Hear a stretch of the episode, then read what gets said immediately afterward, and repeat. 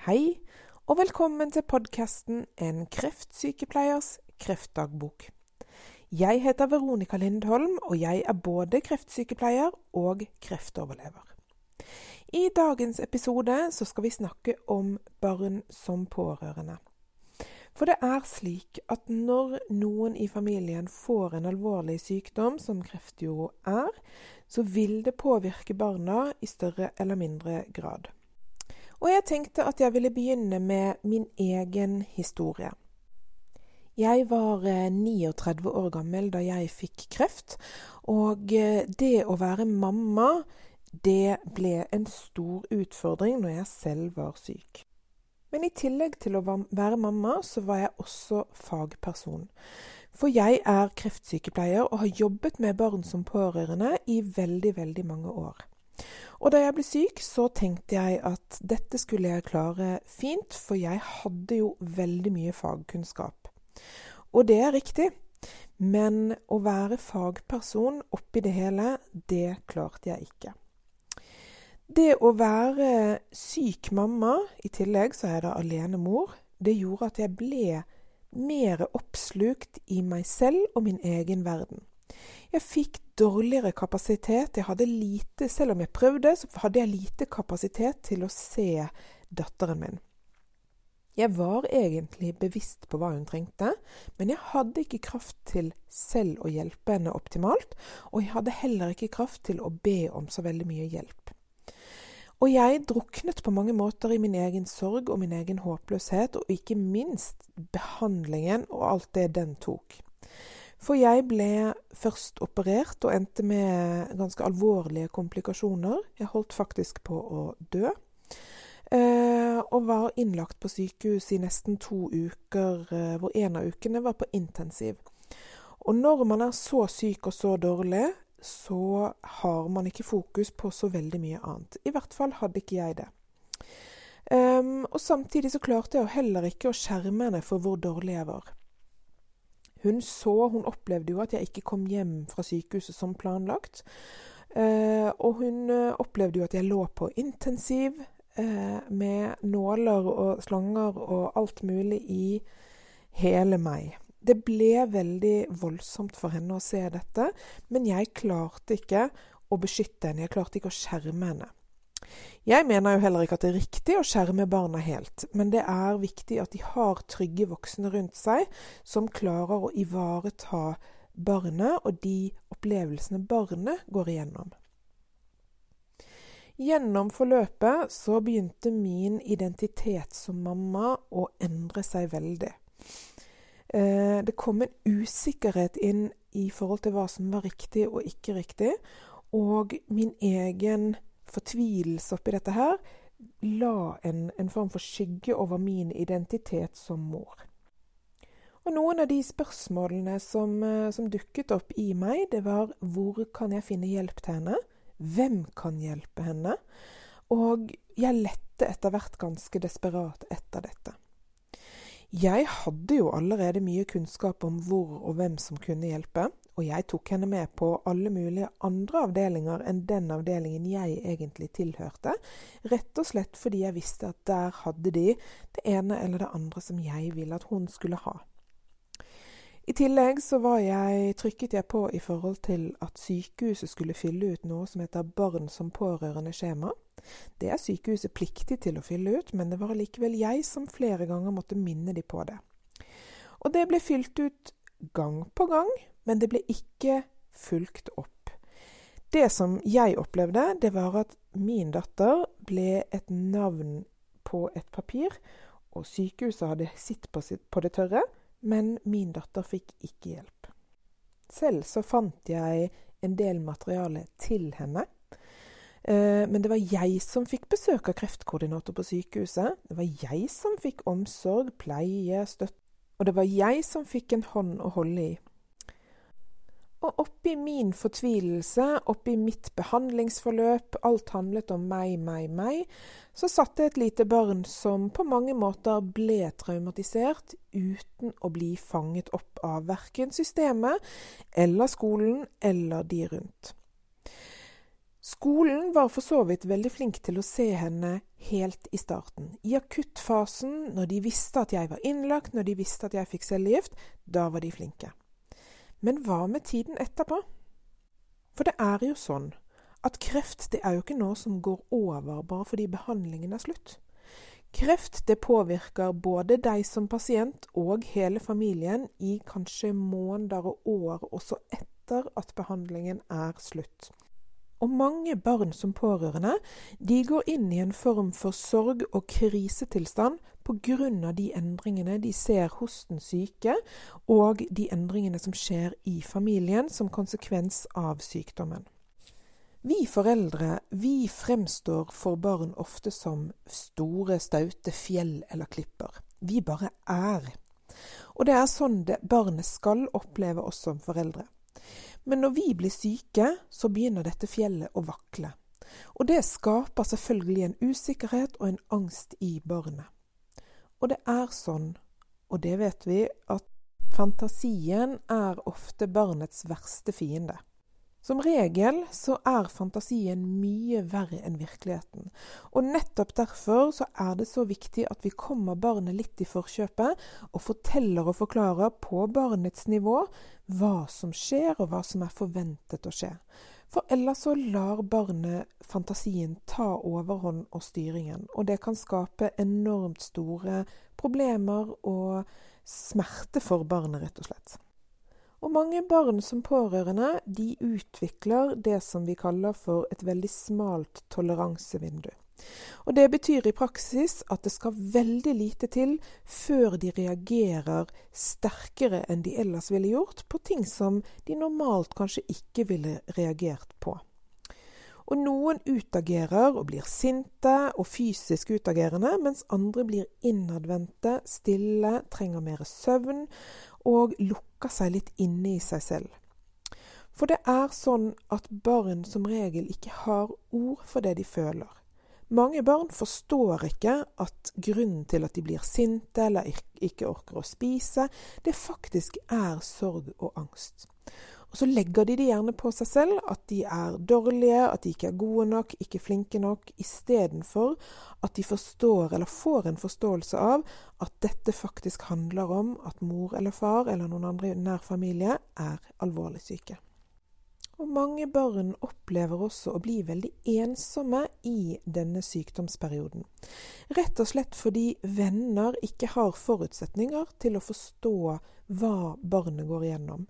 Og dette går ganske langt opp i alder. Også mange ungdommer opplever denne manglende forståelsen. Og veldig mange barn de opplever eller føler selv at de er de eneste i hele verden som opplever akkurat det de opplever. Og her er det jo også viktig å fortelle barna at nei, det er faktisk mange barn som opplever dette, og gjerne oppsøke steder hvor barn kan møtes. Og det fins heldigvis mange sånne steder i Norge. Vi har samlingsplasser for barn som pårørende, så de kan møte hverandre og lære av hverandre. For de fleste barn så blir dette en veldig, veldig positiv erfaring. Sorgreaksjoner hos barn det kan være mange forskjellige ting. Men noen av de kanskje vanligste reaksjonene det er bl.a. sinne eller søvnforstyrrelser. Mange får skyld- og skamfølelse. Noen trekker seg tilbake sosialt. Og dette med pårørende fatigue, det er et litt sånn underkommunisert eh, område. Og jeg vil gjerne slå et slag for pårørendefatigue, fordi det er så mange pårørende, også barn, som utvikler en sterk tretthet og slitenhet. Og vi som voksne har kanskje en tendens til å si 'Å, du er ung og sprek. Opp med deg. Du klarer det.' Men barn i sorg og krise får også fatigue, eller utmattelse. Så det er litt viktig å huske på. Mange barn de sliter også med mareritt, med ensomhet. De kan få smerter ulike steder i kroppen. De kan få nedsatt hukommelse, nedsatt konsentrasjon. Uh, og det er viktig at både du som foreldre og skolen har litt høyere uh, toleranse for at de f.eks. glemmer matpakke, glemmer gymtøy, glemmer pennal, kommer for sent. Fordi det er disse barna er så overbelastet med tanker og tankekjør veldig ofte. Så hva kan du som foreldre, eller kanskje lærer, gjøre for disse barna som er pårørende? Og Det første jeg vil si, det er ta angsten og sorgen på største alvor. Det nytter ikke å avfeie når barnet kanskje endelig åpner seg og sier at dette går over, dette går bra, for da blir ikke barnet sett. Og mange barn trenger gjentagelse, gjentagelse, gjentagelse. Og kanskje du blir lei av å gjenta det samme om og om igjen, men barnet trenger det for å integrere forståelsen av hva som foregår. Og en annen ting bruk de riktige ordene. Ikke omskriv det som foregår. Ikke, altså, bruk ordet kreft. Bruk ordet død. For hvis du omskriver, så vil barnet kunne koble det sammen med andre ting. Og informer løpende. Tilpass etter barnets alder, og, men vær ærlig. Vær alltid ærlig, men spar kanskje de detaljene til ungdommene. De små barna trenger ikke detaljer, men de trenger allikevel å forstå en helhetlig og ikke minst sann historie. For barna de gjennomskuer veldig, veldig fort hvis du ikke forteller sannheten. Så pass på at du ikke omskriver og gjør historien til noe annet enn det den egentlig er. Og så er det sånn at mange barn de lærer grunnfølelsene som glad, sint og lei seg. Men sorg og angst det har et helt annet uttrykk som mange barn ikke kjenner igjen og ikke har ord for. Annet dette med skyld, skam, konsentrasjonsproblemer, spiseproblemer, flauhet, kvalme, sinne osv. For barna de skjønner ikke hva det er som skjer med dem, de merker bare at noe er helt galt. Og Dermed så er det viktig at du som voksen hjelper dem med å sette ord på at disse eksemplene faktisk kan være en del av sorgen. Så hva er det som skjer da med et barn når noen i familien blir alvorlig syke? Barnet utvikler veldig ofte en form for utrygghet. De har ofte veldig mange ubesvarte spørsmål. Mange ganger tør de ikke engang å stille disse spørsmålene. De opplever mange ukjente følelser, og ikke minst ukjente og ofte traumatiserende opplevelser og erfaringer. Og det kan f.eks. være at Eh, den som er syk, får et anfall, eller må hentes med ambulanse, eller begynner plutselig å blø veldig. Det kan være ganske traumatisk for et barn å oppleve sånne ting. Mange barn opplever jo også at rutiner og stabilitet det forsvinner. For det som har vært hverdagen for familien, blir plutselig helt endret. Kanskje kommer det til og med tredjepersoner inn, altså besteforeldre eller venner som må hjelpe til. Eller kanskje en au pair som må komme inn. Um, og, og, alt i barnets hverdag kan bli veldig endret. Og kanskje viktigst av alt, det er jo faren for brutte relasjoner. Barn oppfatter veldig fort at kreft, det kan man dø av. Uh, det vet til og med barnehagebarn fordi man har hørt via, via, via. Og faren for å miste en hovedomsorgsperson, det er veldig traumatisk og veldig skummelt for et lite barn. Og ofte er det det som kanskje preger, preger barnets tanker aller, aller mest.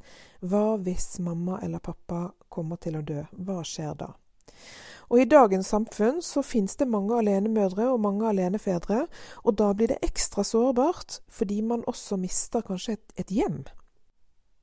Og Sammenlagt så blir denne belastningen enormt stor for barnet å bære, og dette påvirker i aller høyeste grad barnets hverdag. Men så er det jo sånn, da, at vi kan ikke endre virkeligheten. Hvor mye vi enn vil, så kan vi ikke ta fra de den vonde opplevelsen det er at mor eller far er alvorlig syk, eller søsken. Så målet må jo da bli at vi hjelper de gjennom den vonde perioden, og gir de verktøy sånn at de kan mestre de vonde følelsene de står i. Og vårt mål som foreldre, det er i hvert fall mitt mål, det er å gi barna våre et godt liv. Uh, og det er jo sånn at Barn de har ikke medfødte mestringsstrategier, så dermed så blir det min oppgave å sørge for at mitt barn får lært disse mestringsstrategiene. Og en del av det er jo at barnet blir tryggere i seg selv. At de får kompetanse på relasjonsbygging og på følelser. Og trene på å bli trygge voksne. For fundamentet, det er jo faktisk trygghet. Og når mor eller far eller søsken blir alvorlig syke, så mister barnet litt av den tryggheten. Og en del av det som gir barnet trygghet, det er jo nettopp det å bli sett. Og det er faktisk veldig alvorlig for et barn å bli avvist eller da ikke sett. Og det skjer hver gang barnets følelser ikke blir sett eller tatt på alvor. Jeg vet ikke hvordan det er med deg, men jeg har selv tatt meg i å si noen av følgende setninger, og jeg har hørt mange i relasjon til barnet si følgende setninger. Går det bra med deg? Bare kom hvis du trenger å snakke. Prøv å tenke på noe annet. Jeg er her for deg. Det kommer sikkert til å gå bra. Ikke tenk på det, kom så gjør vi noe annet osv., osv. Dette sier vi voksne i beste mening. Vi ønsker jo å være der for barnet. Men når vi sier sånne setninger, så avviser vi faktisk barnet. Og det gjør vi rett og slett fordi gjennom sånne setninger så møter vi ikke barnet, og vi ser ikke barnet. For når barnet ikke vet hva de skal si, så kommer ikke barnet og snakker selv om vi inviterer inn til det. Og barnet blir ikke sett når du sier 'jeg skjønner deg'. For det er jo ikke det barnet trenger. Barnet trenger å få hjelp til å forstå seg selv. Det trenger ikke at vi skjønner de. Barnet skal bli sett og forstå også seg selv. Og veldig ofte så reagerer barn mer positivt hvis du gir de påstander istedenfor spørsmål. For eksempel jeg tror det må være utrolig vanskelig å være barn når mamma eller pappa eller søsken er syke. Eller jeg får lyst til å slå og skrike når jeg blir så lei meg. Hvordan har du det? Det finnes massevis av eksempler på hvordan man kan eh, snakke med barn, men det kanskje viktigste er å forsøke å utforske barnets liv og barnets verden. Eh, å stille åpne spørsmål som f.eks. hvem barnet føler at de kan snakke med. Eh, eller om det er noen som vet at noen i familien er syke. Eh, eller rett og slett gi de ferdige setninger. For hvis man anerkjenner barnets følelser, og på den måten lærer de å sette ord på det de føler, så vil barnet både føle seg sett, og det styrker selvfølelsen. Og hvis barnet f.eks. sier 'Å, jeg er så redd for at mamma skal dø', og du svarer med at 'ja, men mamma skal ikke dø', så bekrefter du ikke barnets opplevelse. Du avviser barnets opplevelse. Det er riktig å si at mamma ikke skal dø hvis mamma ikke skal dø, men du må også bekrefte 'jeg forstår at du er redd for det', og det må være veldig vondt. Og det er en enorm befrielse i det å føle seg sett og anerkjent. Og veldig mange barn de utagerer når de blir angste og fulle av sorg. Og i det øyeblikket de blir forstått på den utageringen, så trenger de ikke lenger å utagere. Men det er selvfølgelig lett for meg å sitte og si alle disse tingene. Ehm, dette blir jo individuelt fra barn til barn.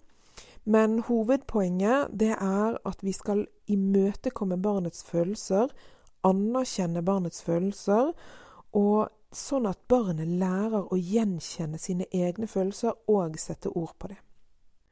For det er jo sånn at sorg det er ikke en sykdom, men man kan faktisk likevel bli syk av sorg.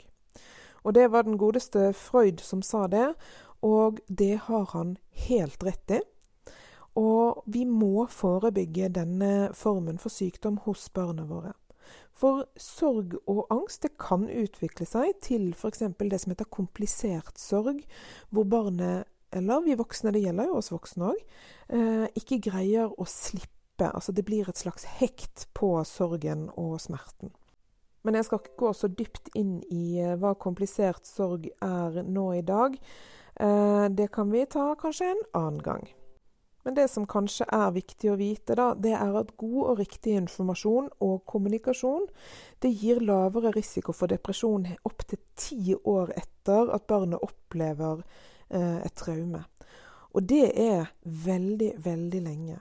Og Derfor så blir det utrolig viktig at vi snakker med barna våre om dette, og at vi tar dem på alvor når de klarer å uttrykke hva som er vanskelig og vondt. Jeg skal ikke si så veldig mye mer enn dette i dag, men dette med barn som pårørende, det er jo et tema jeg brenner veldig for, og et tema jeg har lyst til å jobbe veldig mye mer med. Og det er jo bl.a. fordi jeg selv har vært mamma til et barn som pårørende, og på tross av min fagkunnskap har jeg fått erfare hvor vanskelig det var, både for henne og for meg som mamma. Og da vil jeg helt til slutt si takk for meg, og takk for at du ville lytte til denne podkasten. Husk at du også kan lese mer om meg og hva jeg tilbyr på hjemmesiden min www.frakrefttilkraft.no. Og jeg er også på Instagram og Facebook under samme navn, altså Fra kreft til kraft. Og alle disse stedene kan du også kjøpe boken 'Milla og skyggeklumpen'. Det er en bok jeg har skrevet sammen med min datter, og den handler selvfølgelig om barn som pårørende. Den har min datter illustrert ut fra hvordan hun opplevde å være barn som pårørende. Send også gjerne en mail eller en uh, privatmelding hvis det er et tema du ønsker at jeg skal ta opp. Ha det bra!